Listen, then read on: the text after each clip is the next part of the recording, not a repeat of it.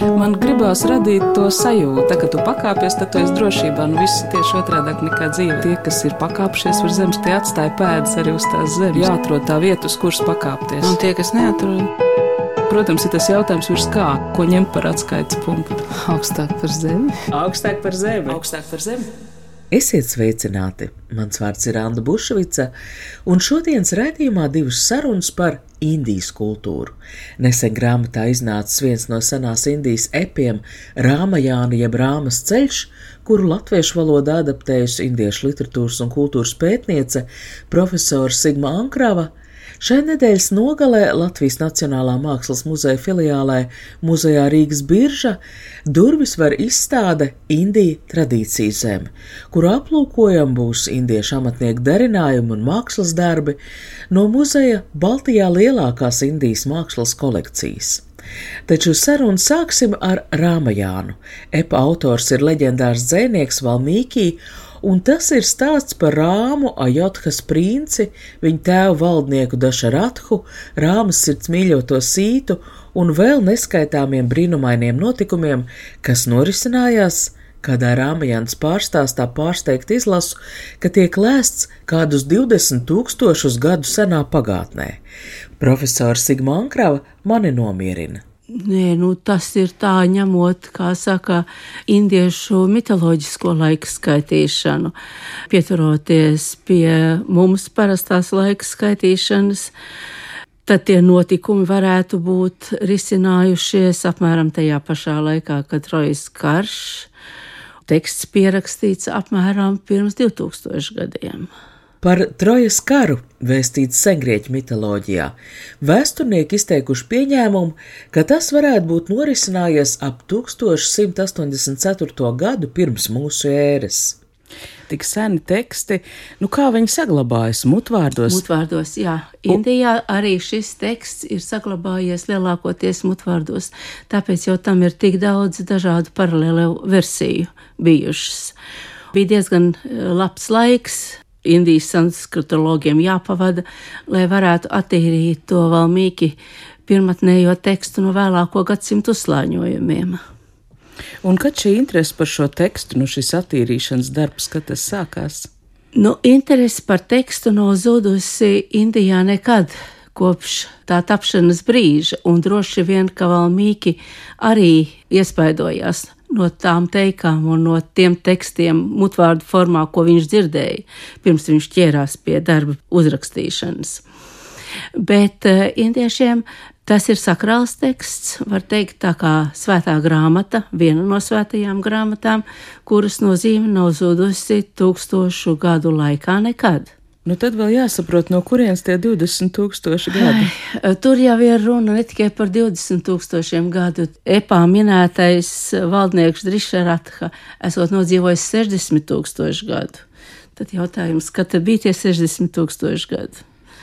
Tā kā sakrālā tekstā, mitoloģiskā tekstā gadus neskaitīsim. Bet tur bija runa par jūgiem. Jā, par laikmetiem, jā, par tām sauktām jugām. Jā, nu tur indieši izšķir četrus laikmetus, gluži tāpat kā senie grieķi savā mitoloģijā. Vārds, ko sākās ar zelta laikmetu. Un tas ir tas pirmais, tas patiesības laikmets, kad visi ir ļoti labi un neviens nemelo un neviens nemirst un neslimo un tā tālāk. Un tad nāk tas otrs laikmets, un indiešu tradīcijā tas ir varoņa laikmets. Un epa darbība attiecas tieši uz šo te treta jūgu, uz varoņu laikmetu, kad patiesības balsts, jeb harmas bullis, kurš pirmajā zelta laikmetā stāvēja uz četrām kājām. Tagad ir viena kāja pazaudējusi un stāv tikai uz trim kājām. Tātad jau tie morāls principi sabiedrībā ir sākuši ļodzīties. Nu, un Ramajanā jau mēs to arī manām, ka ir ne tikai labi un cēli tēli, bet arī pavisam nelāgi. Runājot par Rāmajānu, arī vispār indiešu kultūru mazliet jā. nāks pārslēgt to domāšanu no rietumnieciskās precīzās, aptuvenais laiks, aptuvenie dievi. No vienas puses, jā, protams, eh, skatoties uz indiešu civilizāciju būtībā, nu, tā ir tik atšķirīga no mums pierastās eiropeiskās kultūras un civilizācijas, it kā mēs atrastos uz citas planētas, kur pavisam cita laika skaitīšana, domāšana un tā tālāk. Bet, e, ja mēs ņemam vērā teiksim, to tradicionālo teiksim, laika skaitīšanas sistēmu, ko indieši ir attīstījuši, tā ir ārkārtīgi, ārkārtīgi smalka. Un līdz ar to teiksim, viņu e, sanskritologi un tradicionālās e, hindu kultūras adepti uzskata, ka gan vēdas, gan indiešu nu, teiksim, mitoloģija sniedz atbildes uz visiem tiem jautājumiem, kurus pašlaik risina pasaules zinātne. Ka tur ir jau bijusi runa. Nu, Savā, teiksim, indiskā stilā par mikroniem, par sekundžu desmitdaļām, par nanodaļiņām un tā tālāk.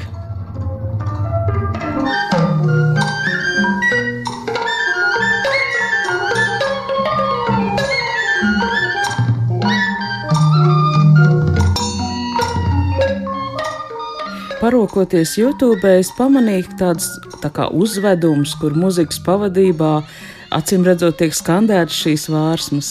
Jā, un tas notiek katru gadu. Tā sauktās Rāmlīlā uzvedumi.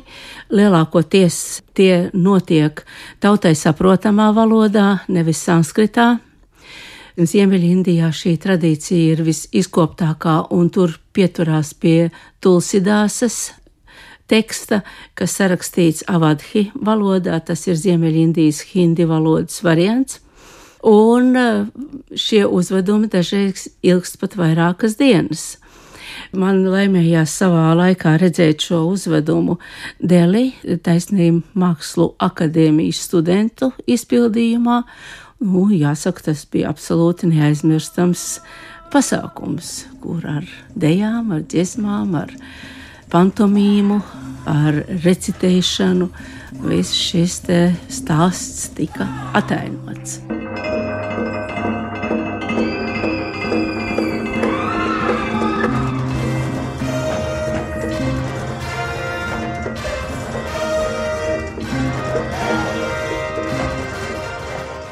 Par ko tad tur ir? Par mantošanas tiesībām, par attiecībām ģimenē, Pamatos tur ir par attiecībām ģimenē, un tāpēc jau arī tas eps ir tik nozīmīgs indiešu sabiedrībai, jo tur tiek deklarētas un parādītas, kādas ir pareizas attiecības ģimenē.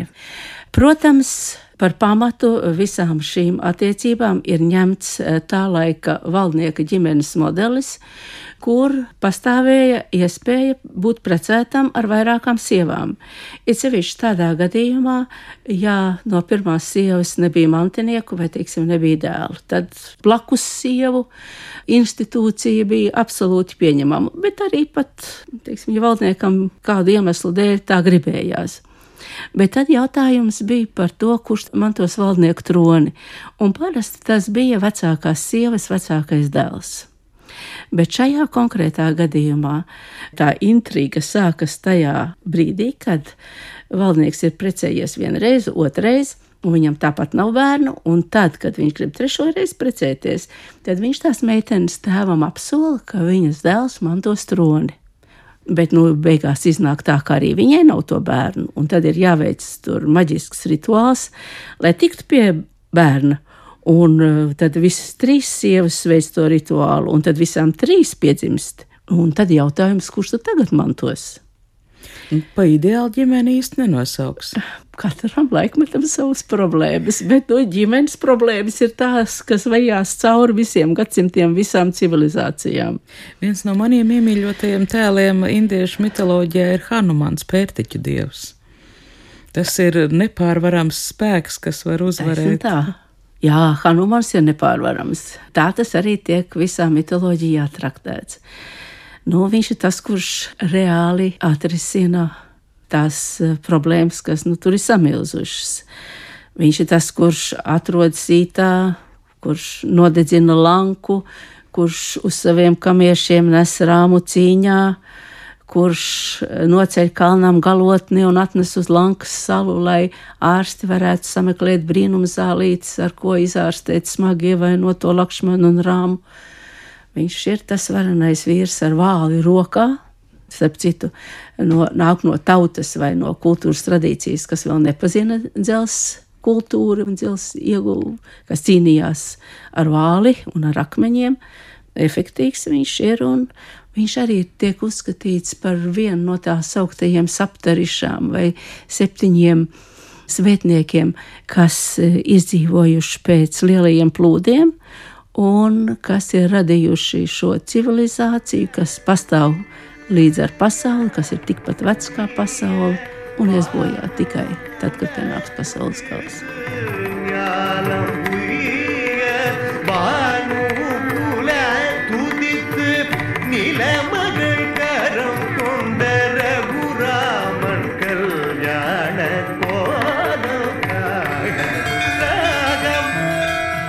Šie teksti ienākšana rietumu kultūrā.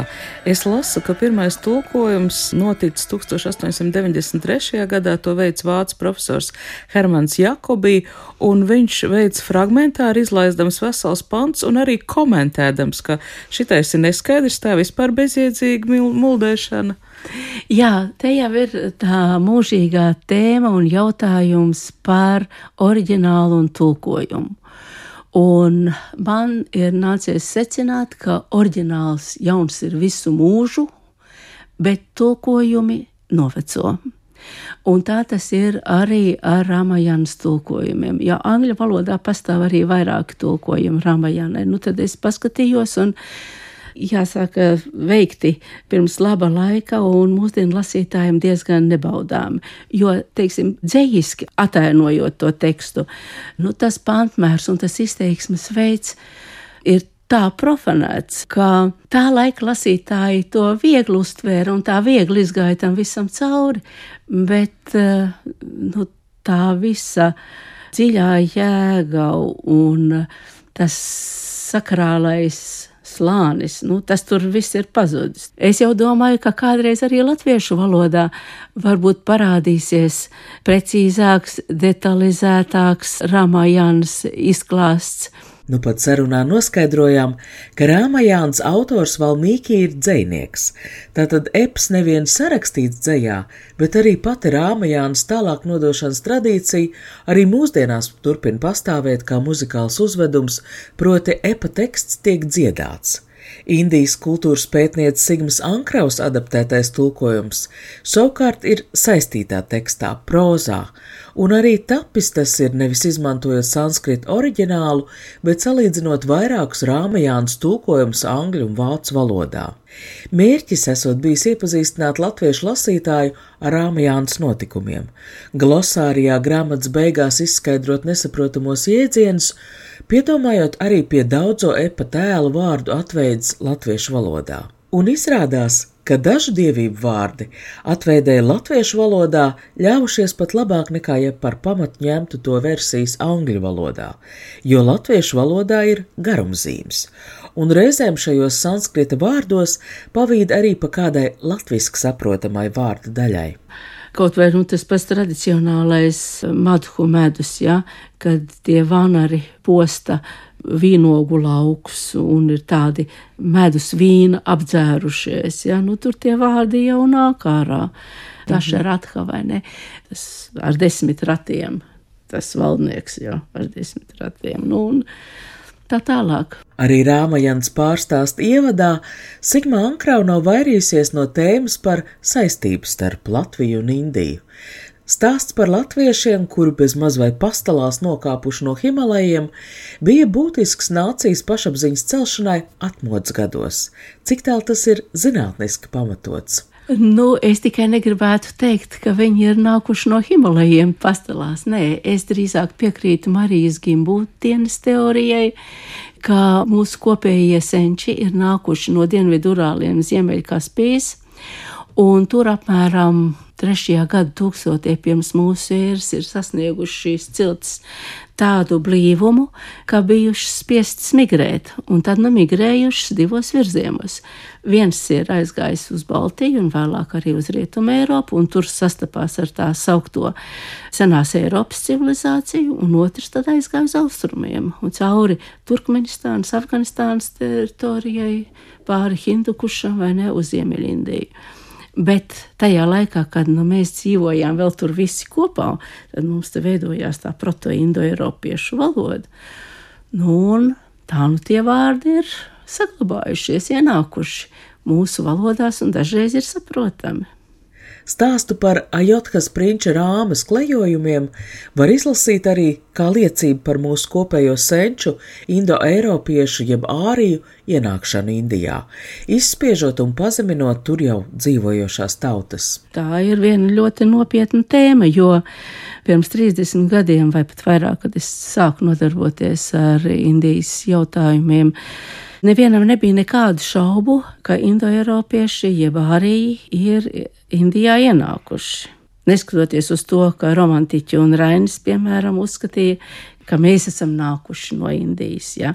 Viņam šajā sakarā pat bija iecerēta vesela luga īliņš, kur bija domāts, ka īliņš tad nu vedīs latviešu tautu atpakaļ uz tās pirmdzimteni Indiju, jo viņiem te tik slikti un grūti klājas, tāpēc, ka pazaudējuši saikni ar sauli, viņiem vajag vietu, kur ir vairāk saules. Tā. Bet eh, nu, tie arheoloģiskie izrakumi, atklātie artefakti liecina, ka tomēr tā tas nav, ka indoeiropieši ir ienākuši Indijā.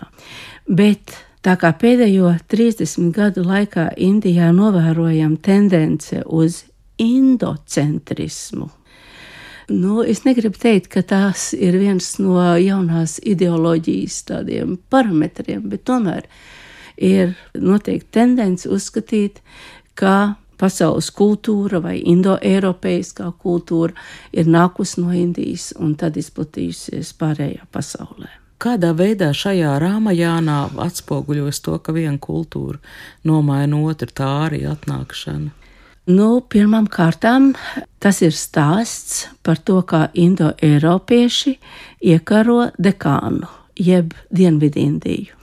Raugoties no valodnieka vai kultūrvēsturnieka viedokļa, mēs atrodam tā saucamo valodu robežšķirtni, kas iet, var teikt, tādā vidusindijā.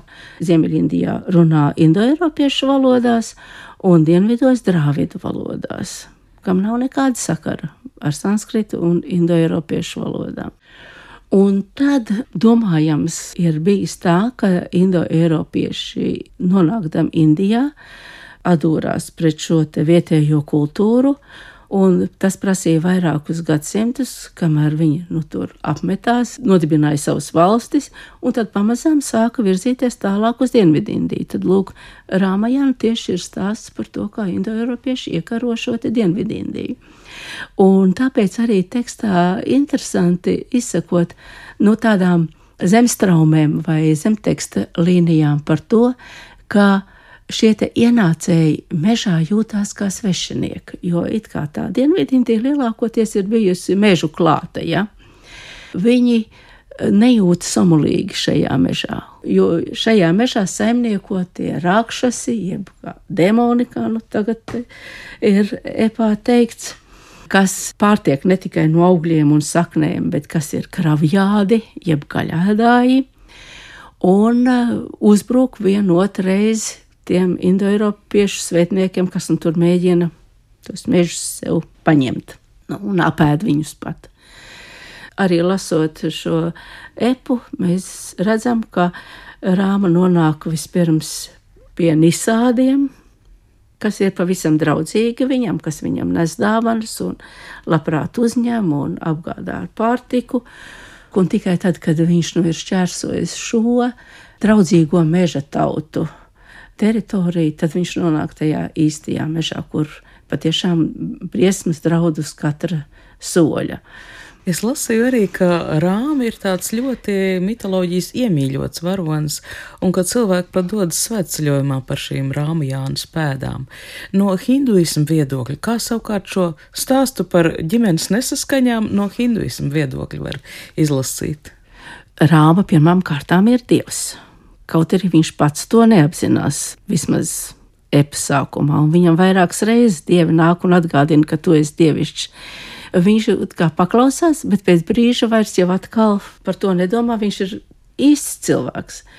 Nu, viņš ir viena no dieva višnu avatārām. Dievs višnu parādās katrā no jugām citā veidā. Rāma ir tik viena no tām viņa avatārām. Nu, tā nu, laikam ir tā pati cilvēciskākā. Tāpēc arī tas ir tik tuvu.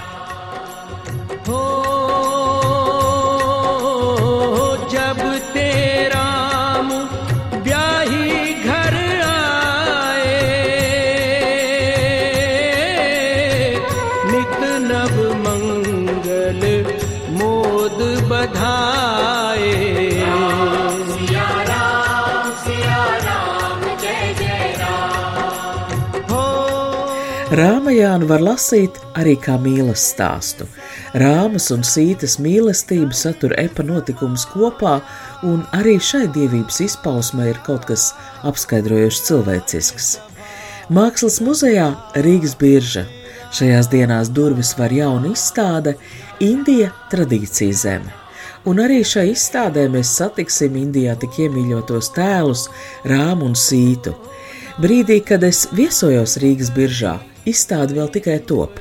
Kādreizējā biržas zālē skanīgi atbalsojas izstādes iekārtošanas trokšņi, un es lūdzu izstādes veidotājām, kuratorei Kristīnai Millerei un muzeja ārzemju dekoratīvu lietušķās mākslas kolekcijas glabātājai un izstādes līdzkuratorei Baibai Uburģei pastāstīt, ko tad izstādē Indija tradīciju zeme varēsim redzēt. Mākslas muzeja Rīgas birža Intijas mākslas kolekcija esot lielākā Baltijā. Turpina Baiva Uburģe. Ir Indijas mākslas kolekcija, kas ir nedaudz vairāk kā 500 priekšmeti. Un kolekciju veido Indijas amatniecības padomes dāvinājums, kuru muzejs saņēma 1958. gadā caur Maskavu. Indijas amatniecības padome šajā laikā bija nodibināta, lai veicinātu tradicionālās amatniecības attīstību Indijā. Un tādēļ šajā kolekcijā ir ļoti daudz tekstilu izstrādājumu, un tad ir dažādi vai metāla, koka, rāgā, ziloņkalu priekšmeti. Izgatavot tie visi ir 20. gadsimta vidū, laikā, kad nodibināja šo padomu. Un otru kolekciju muzejs saņēma laikā no 2016. līdz 2022. gadam no Vācu balda diplomāta Kārla Kēlera. Viņš regulāri brauc vasarās uz Latviju. 2016. gadā, staigājot pa Mākslas muzeju Rīgas birža, saprata, ka mums ir ļoti maz vecu Indijas kolekcijas priekšmetu. Un tad tas bija pirmais gads, kad viņš arī mums uzdāvināja. Pirmais dāvinājums bija. Viņš strādāja četrus gadus kā diplomāts Indijā, kur arī viņš bija šo kolekciju savācis. Tas ir vairāk kā simts priekšmetu.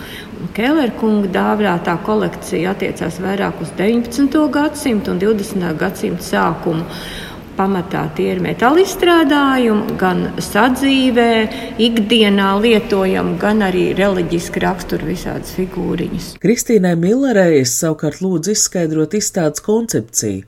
Lielā telpa ar stendiem sadalīta tādās kā istabās, no kurām katra atbilst kādai sadzīves vajadzībai. Ienākot pa zāles durvīm, pirmais, ko redzēs, būs eh, indiešu apavi un attēls ar kailām pēdām. Pretī ieejas durvīm izvietotais stends izveido tādu kā priekšnamu, kura centrā patiešām liela izmēra fotografija, kurā vairāk cilvēki ir ar kailām kājām. Zem fotografijas zemāks stends, uz kura vēl nav, bet būšot, apavi no muzeja kolekcijas. Fotogrāfija autors ir Māris Ruskuls, ir uh, izstādes uh, scenogrāfs, vairākas reizes arī bijis Indijā, un fotogrāfijas, ko jūs redzēsiet ekspozīcijā, ir viņa uzņemtās fotogrāfijas. Un, mēs ar šīm fotografijām gribējām ienest tādu kā dzīvību, kustību nedaudz un to Indijas klātesamību šeit. Ienākot iekšā būs šie apavi, jo tradicionāli, lielākoties mājokļos, pirms ieiešanas iekšā, apav tiek atstāti pie durvīm, tas pats arī pie tempļiem. Patiesībā es pat vairākas reizes arī man ir nācies iejūt muzejā, novilkt apavus, esot Āzijā. Līdz ar to tad, šī tradīcija tā ļoti spēcīga, un to mēs arī gribējām parādīt šeit. Tālāk, ejot, mēs redzēsim mājokli, Centrālajā daļā mums ir eh, reliģija un rituāli, parādot šīs dažādas dievības. Protams, tas ir arī apģērbs un accessori. Būs atsevišķa sadaļa, kas veltīta dažādu veidu sarī, un atsevišķi vēl mums būs izdalīta sadaļa par brīvo laiku, kur eh, būs eksponētas eh, gan ēnu teātris, lelles, marionete ūdenspīpju pamatnes, kas saglabājušās no 19. gadsimta no Kēlera kolekcijas. Jo ir tā, ka ūdenspīps mums būs tāds ūdenspīps siluets. Tās pārējās daļas nav ilgmūžīgas, ilglaicīgas, un tad muzejos visbiežāk nonāk pamatnes. Jūs esat domājuši arī par kaut kādām darbnīcām? Es domāju, ka daudz gribētu Mums šo nav to... ūdens pīpi darbnīca, bet mums būs tiešām ļoti daudz un dažādas darbnīcas. Mēs sadarbojamies ar Latvijas Mākslas akadēmiju, esam pieaicinājuši metāla mākslas katedru, kur viņi stāstīs un rādīs, par cik mums ir ļoti daudz metāla izstrādājumu. Arī par tādām tehnikām, kuras izmanto Indijā un izmanto arī Latvijā. Esam arī uzaicinājuši tekstilu mākslas katedru, kur būs lekcija par cik mums ir ļoti daudz tekstilu izstrādājumu, ļoti visdažādākās tehnikās, aušanas, izšūšanas, ļoti, ļoti dažāds audumu klāsts. Trešais bija stikla mākslas katedra, kur eh, es jau minēju par šiem stikla centrā ir tie stikla reversie gleznojumi, kur var būt iepriekš piesakoties, jau būs ierobežots cilvēku skaits, varēs pat izmēģināt šo gleznošanas veidu uz stikla. Izceļot dienas gaismā Mākslas muzeja Rīgas birža Indijas kolekciju, Pirmkārt, notikusi tās izpēta un kontekstualizācija, sadarbojoties ar Indijas pētniecības institūciju no Ņūdelī, Eka Archiving Services. Otrs izpētes virziens bija priekšmetu restaurācija, jo īpaši vācu baltu diplomāta Karla Kēlera dāvinātajiem priekšmetiem, kuri ir senāki un iegādāti Indijas antikvariātos un senlietu tirdziņos, bija nepieciešama atjaunošana, lai sagatavotu tos izstādīšanai. Nu pat pieminētais reversais gleznojums uz stikla ko plānots interesantiem tālāk mācīt, izstāda Indija tradīcija zem pavadošās izglītības programmas darbnīcā martā, ir Latvijas muzeja kontekstā unikāls priekšmets, un arī restauratoriem nebija iepriekšēja zināšanu tāda atjaunošanā. Reversā stikla darbs. Viņš bija saplīs. 15 gados. Mēs varam vienkārši pienākt, jūs varat pat paskatīties. Tas, tā, tad, šīs darbs bija saplīs cik gabalos? 15. Un sadarbojoties ar Mākslas akadēmijas stikla Pasniedzēju. katedru, tika šis darbs restaurēts. Tad šis gabals arī, ko mēs redzam šeit augšā, iztrūka un tur tika pielāgots. Un te es sāku aptvert to milzīgo problēmu ar tulkošanu, jo Jā. ir ārkārtīgi daudz vārdu, kuru izruna nozīme. Jā. Jā, Madurai jā. Vēranu, viņa divas sievas Pommi un Vēlējamā. Ļoti daudz, kur mums ir jau atveidojumi latviešu valodā. Tiešām pateicoties profesorai Sigmai Ankravai, kas bija izdarījusi jau, manuprāt, milzīgu darbu pie grāmatas uh, Dievi un Dievis. Un savā ziņā te ir atbilde, kāpēc mums būtu nepieciešams Epa Rāmajāna pārstāsts arī latviešu valodā. Nu, kaut vai, lai dziļāk izprastu izstādē, Indija tradīcija zeme mākslas darbos attēlotos sižets un dievības, Izstādes izglītības programmā 19. janvārī plānot profesors Sigmas Ankravs lekciju, kurā viņi iepazīstinās ar eposa Rāmajana notikumiem, savukārt 9. februārī plānot lekciju Indiešu dievi un dievietes ieskats hindu mitoloģijā. Pirms gada iznāca arī līdzīga nosaukuma Sigmas Ankravas grāmata.